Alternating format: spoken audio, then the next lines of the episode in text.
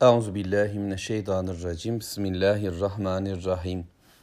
Elhamdülillahi rabbil alamin. Allahumme salli ala Muhammed. Eşhedü en la ilahe illallah ve eşhedü enne Muhammeden abduhu ve resulü. Sözlerin en güzeli Allahu Teala'nın kitabı olan Kur'an-ı Kerim. Yolların da en güzeli Hz. Muhammed sallallahu aleyhi ve sellemin yoludur.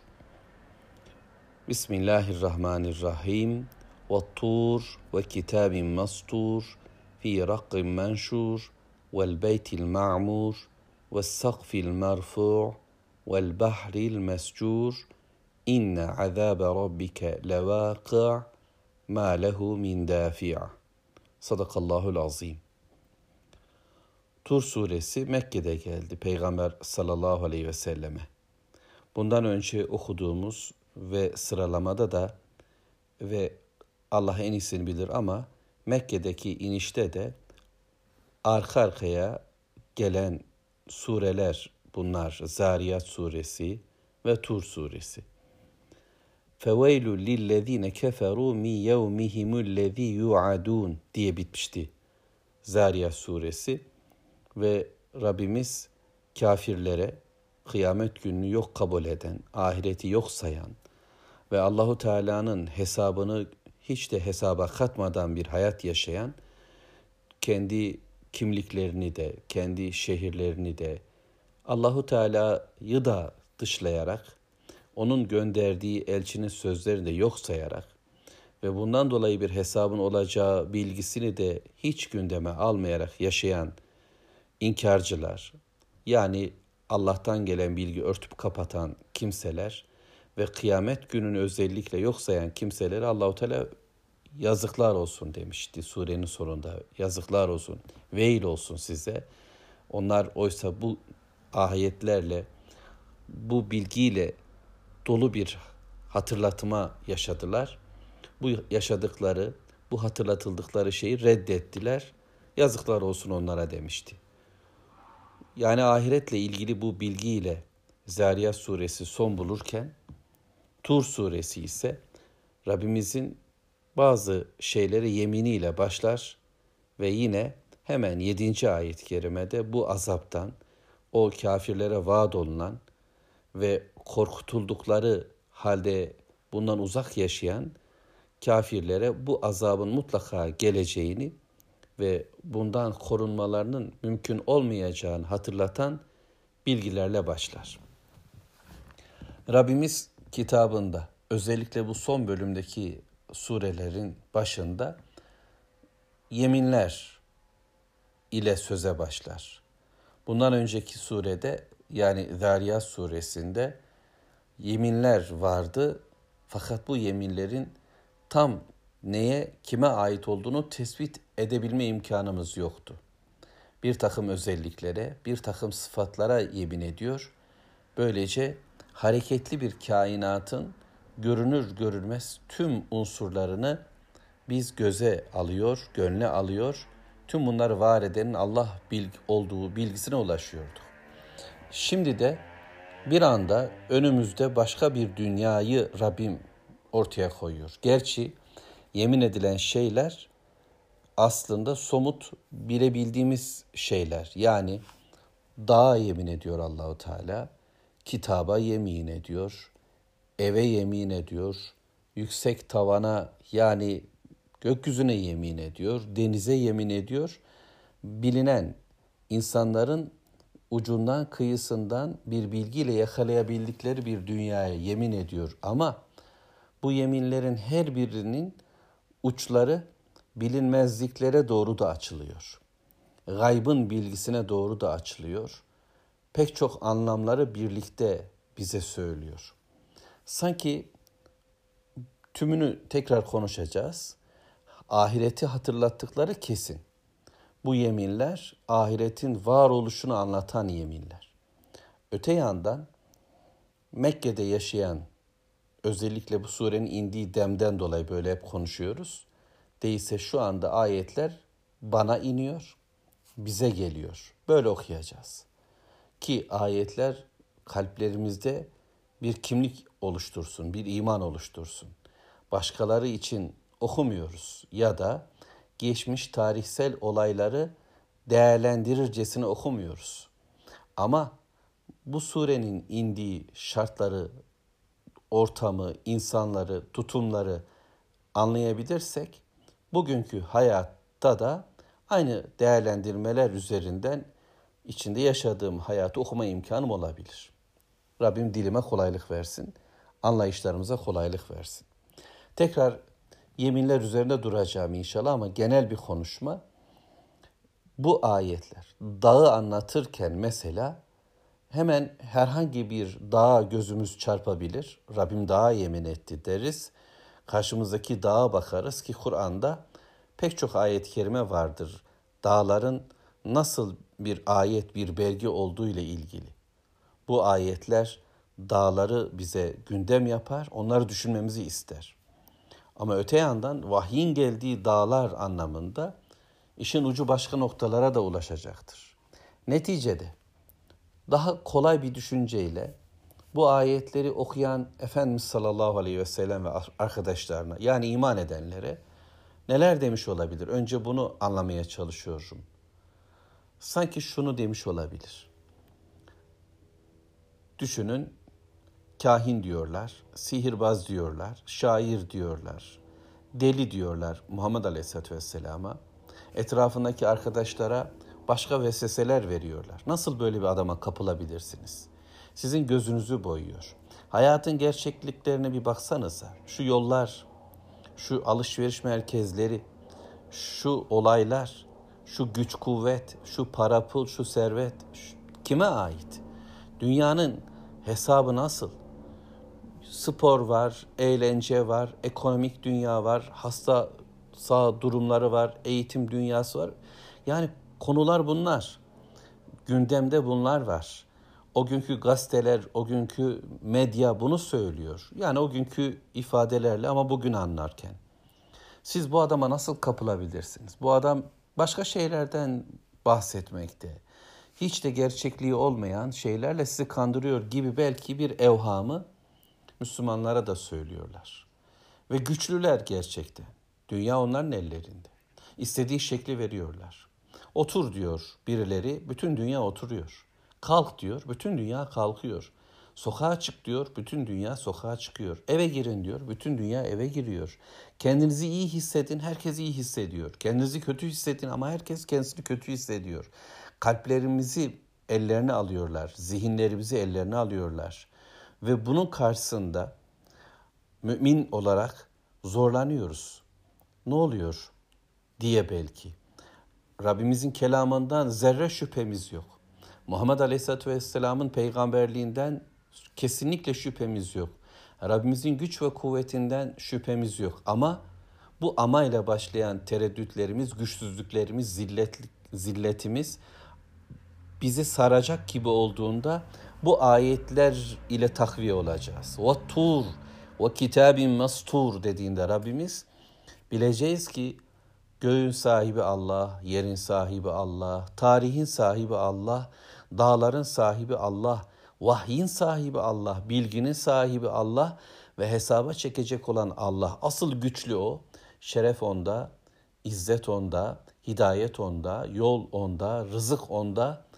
Öyleyse bütün bunların çerçevesinde bir onurla bu ayetler bizi bambaşka bir noktaya doğru baktırıyor. İçinde durduğum hayatın dışına çıkabilmemi, yaşadıklarımın aslında tam da gerçek olmadığını, bana gerçekmiş gibi dayatılan bir takım sahtelikler olduğunu anlama imkanım ortaya çıkacak bu ayetlerle. Ve böylece asıl gerçeği, hakikate yürek bağlamında da, zihin bağlamında da ulaşacağım. O zaman o zaman gaflet yok. İnsanların söylediği yolla yollanmak yok. Allah'ın gidin dediği yola doğru koyulmak var. Şimdi Rabbimin kelamını okuyoruz birlikte. Vattur diyor Rabbim. Yani Musa Aleyhisselam'ın da hemen şöyle sağ yanında vahiy aldığı dağa yemin ediyor Rabbimiz. Bütün dağlar gözümüzün önünden geçiyor. Dağları bu şekilde diken bir Rabbim var. Tur, ağaçlık dağ demekmiş. Ama özellikle vahiy ile birlikte olan bir dağ var ki dağlar içerisinde bizim için daha da kıymetli olan orası. Ama onun dışındaki dağlar da var. İşte Muhammed Aleyhisselatü Vesselam'a vahyin geldiği dağlar ya da Arafat ya da bir geminin oturduğu Cudi. Tüm bunlar Rabbimiz tarafından bereketlendirilmiş yerlerdir. Bir bereketin, bir vahyin indiği yerlerdir. Dolayısıyla bilginin sahibi Allah. Bütün bilgileri veren Rabbimdir. Doğrular Allah'tan gelecektir. Ve bu dağda Rabbim Musa Aleyhisselatü Vesselam'a önce seslendi. Onu peygamber olarak donattı ve gönderdi Firavun'a.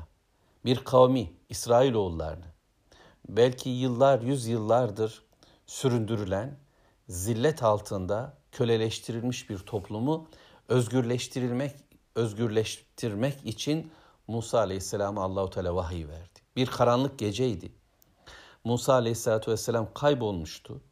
Ama Allahu Teala kaybolmuş, yitil, yitmiş bir toplumu yeniden yola getirmek ve kafir dünyayı da hakka çağırmak için bu aslında kaybolmuş gibi hakikatin önüne gelen peygamberine Musa Aleyhisselam'a bu görevi o dağda yüklemişti. Vahiy o dağda inmiş, o dağda planlar yapılmıştı. Daha sonra yeniden Rabbimiz Musa Aleyhisselam'ı Tur Dağı'na çağırdı ve 40 günlük bir durumda ona Tevrat'ı, vahyin, ayetlerin yazılı olduğu sayfaları verdi. Ve Musa Aleyhisselam özgürleşmek için Firavun'un elinden kurtardığı bir topluma bu ayetlerle şimdi nasıl yaşayacağını da öğretecekti.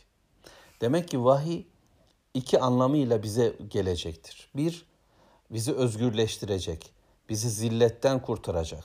Firavuni sistemler karşısında, dünya imparatorlukları karşısında onurlu bir duruşu biz Allah'ın kelamından öğreneceğiz.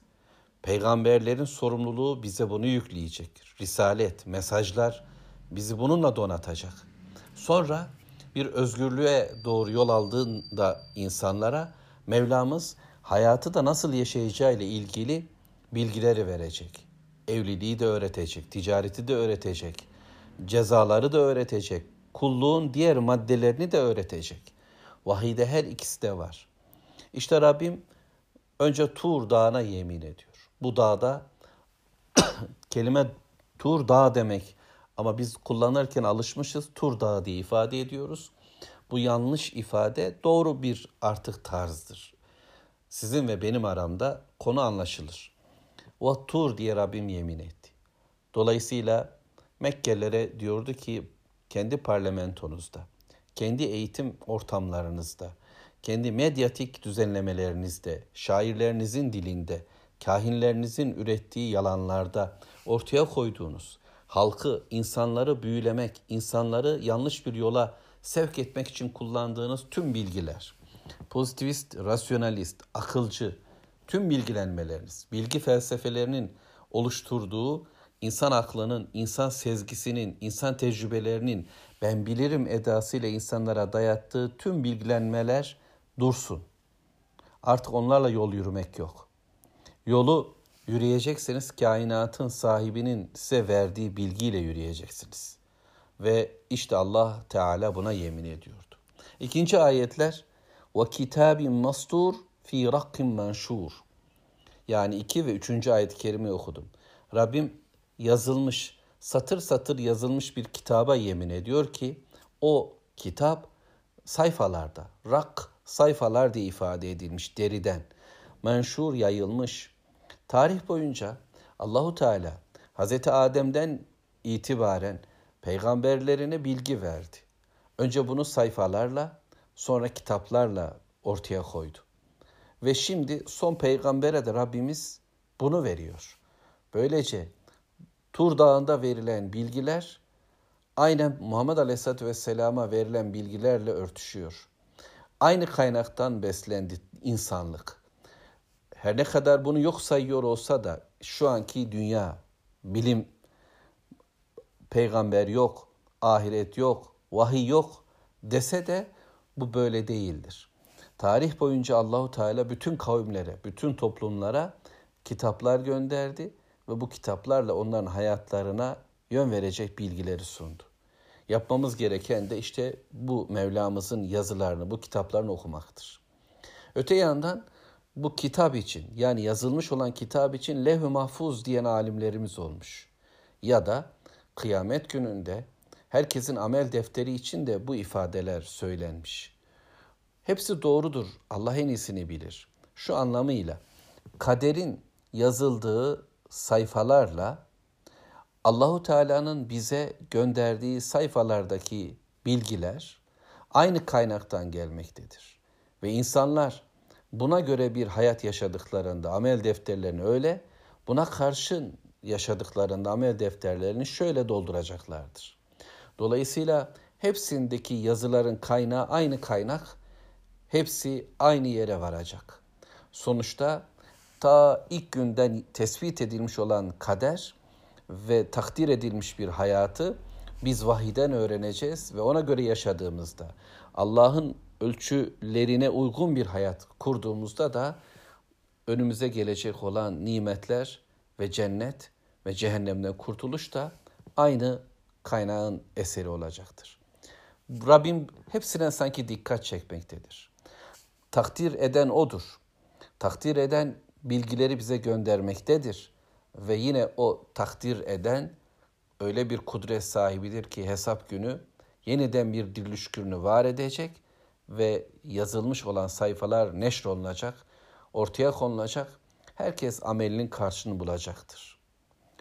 Ayet-i Kerime 4, Sure Tur vel Beytil Ma'mur. Mevlamız vahiy dağına, sonra kitaba, vahye, yazılmış olan sayfalara ve yayınlanmış olan bilgiye, bütün insanlığın ruhuna sinmiş olan bilgilere yemin ettikten sonra kadim bir eve de yemin ediyor. Vel beytil ma'mur. İmar edilmiş, içinde insanların bir hayatı bulabilecekleri, yeniden düzgünce bir hayat yaşama imkanı bulabilecekleri merkezi, dünya merkezini Allahu Teala tespit ediyor. Moda başka bir merkez söyleyecek. Ekonomik dünya başka bir merkez söyleyecek. Eğlence dünyası başka bir merkezden bahsedecek. Spor dünyası başka merkezler, başka evler ihdas edecek. Bilgi için şurayı diyecek insanlar. Para için şurayı diyecekler. Ama Rabbimiz bize bir ev tespit ediyor şimdi. Ta ilk günden itibaren Hazreti Adem ile birlikte insan yeryüzüne indiğinde bir ev yoktu ve Allahu Teala Hazreti Adem'in duasıyla birlikte melekler tarafından Kabe'nin yerine bir ev inşa edildi, ettirdi. Sonra rivayetler öyle. Nuh tufanı ile birlikte kaldırıldı bu ev. Ardından İbrahim Aleyhisselatü Vesselam ve oğul İsmail ile birlikte bu evi inşa ettiler. Temeller üzerine yeniden Ardından temizlediler, tavaf edenler, kulluk yapanlar, rükû edenler için. Ve bu evin imarı kullar ile oldu. Tavaf ettiler, onun etrafında ibadet ettiler. Allah'ın vahyini okuyup ona göre bir hayat şekillendirdiler. Bu Beytül Atik, kadim ev, özgürlük evi ve mamur ev yani kullukla imar edilen ev Kabe'ydi. Fakat bu Kabe'nin bir benzeri tüm gök katmanlarındaki yedi kat olduğunu öğreniyoruz gökyüzünün var. Ve bir de Beyt-i Mamur meleklerin ziyaretgahı olan orada imar edilen bir ev. Kabe'nin hemen üstünde yani bu üstlük manevi anlamda anlayacağım benim ifadelerim ancak bu kadar gücüm buna yetiyor. Yani Beyt-i Mamur ki gökyüzünde eğer oradan atılan bir taş olsa ya da o ev düşse Kabe'nin üzerine düşer diye ifade ediliyor hadis-i şeriflerde. Dolayısıyla bütün gök katmanlarında Allah'ın kullarının, Allahu Teala'nın pek çok kulu var, tavaf ettiği, ibadet ettiği ve bir kere ibadetin bir daha geri dönmediği evler var ve Beyt-i Mamur budur. Yani şu görünen, şu anda Mekke'de putlarla çevrilmiş, İnsanların kendi elleriyle ürettikleri tanrı tanrıça resimleri, heykelleri ve onlar adına konuşan tağutların, azgınların olduğu bir iklimde, bir ortamda, bir mekanda Allah'ın bütün arzı kulluk için yaratılmış ve bu arzın da en önemli merkezi ki kulluğun merkezi olan bu mübarek evde, bu haram beldede Allahu Teala'ya rağmen başkalarına kulluk yapan bir sistemin egemen olduğu zamanlarda bir Allah elçisi, son elçi Muhammed Aleyhisselatü Vesselam vahiy konuşurken ve la ilahe illallah derken bu eve işaret ediyor. Şu etrafına koyduklarınızın hepsi bitecek, tükenecek ve helak olacaklar. Çünkü batıl yok olucudur. Hak geldi artık nidasıyla konuşuyor. Beyt böylece yeniden imara açıldı. Zaten imardaydı. Zaten e, zaten e, melekler yani insanlardan hiç kimse Kabe'yi tavaf etmese bile meleklerin tavafıyla burası imar edilecek bir evdi ve şimdi yeniden Allah'ın kulları burada dönecekler ve bu imar yeryüzünün tamamının değişiminin habercisi olacaktı. Zaman zaman Muhammed sallallahu aleyhi ve sellemin ümmeti aksaklıklar içine düştüğünde, bu evin itibarını zedelediğinde ki günümüz dünyası böyledir. Yine meleklerle takviye edilen bir imar devam edecek ancak vahyin ışığında hayatını yeniden düzenleyen Müslümanlar büyük bir izzeti yakalayıp bu evin imarının baş sorumluları olacaktır. Kabe bilginin Allah'a ait olduğu ve kulluğun ve ancak yapı, kulluğun ancak yapılacak Allah olduğu bilgisinin ilan edildiği yer demektir. Beyt-i Mamur da böyle. Zorlanıyorum. Hakkınızı helal edin. Ve sakfil marfu ile devam edeyim inşallah. Ama e, bunu da bir sonraki ses kaydına bırakayım. Buradan itibaren devam edelim inşallah. Ve sakfil marfu vel bahril mescur kaldı. Uzamasın. Allah'a emanet olun.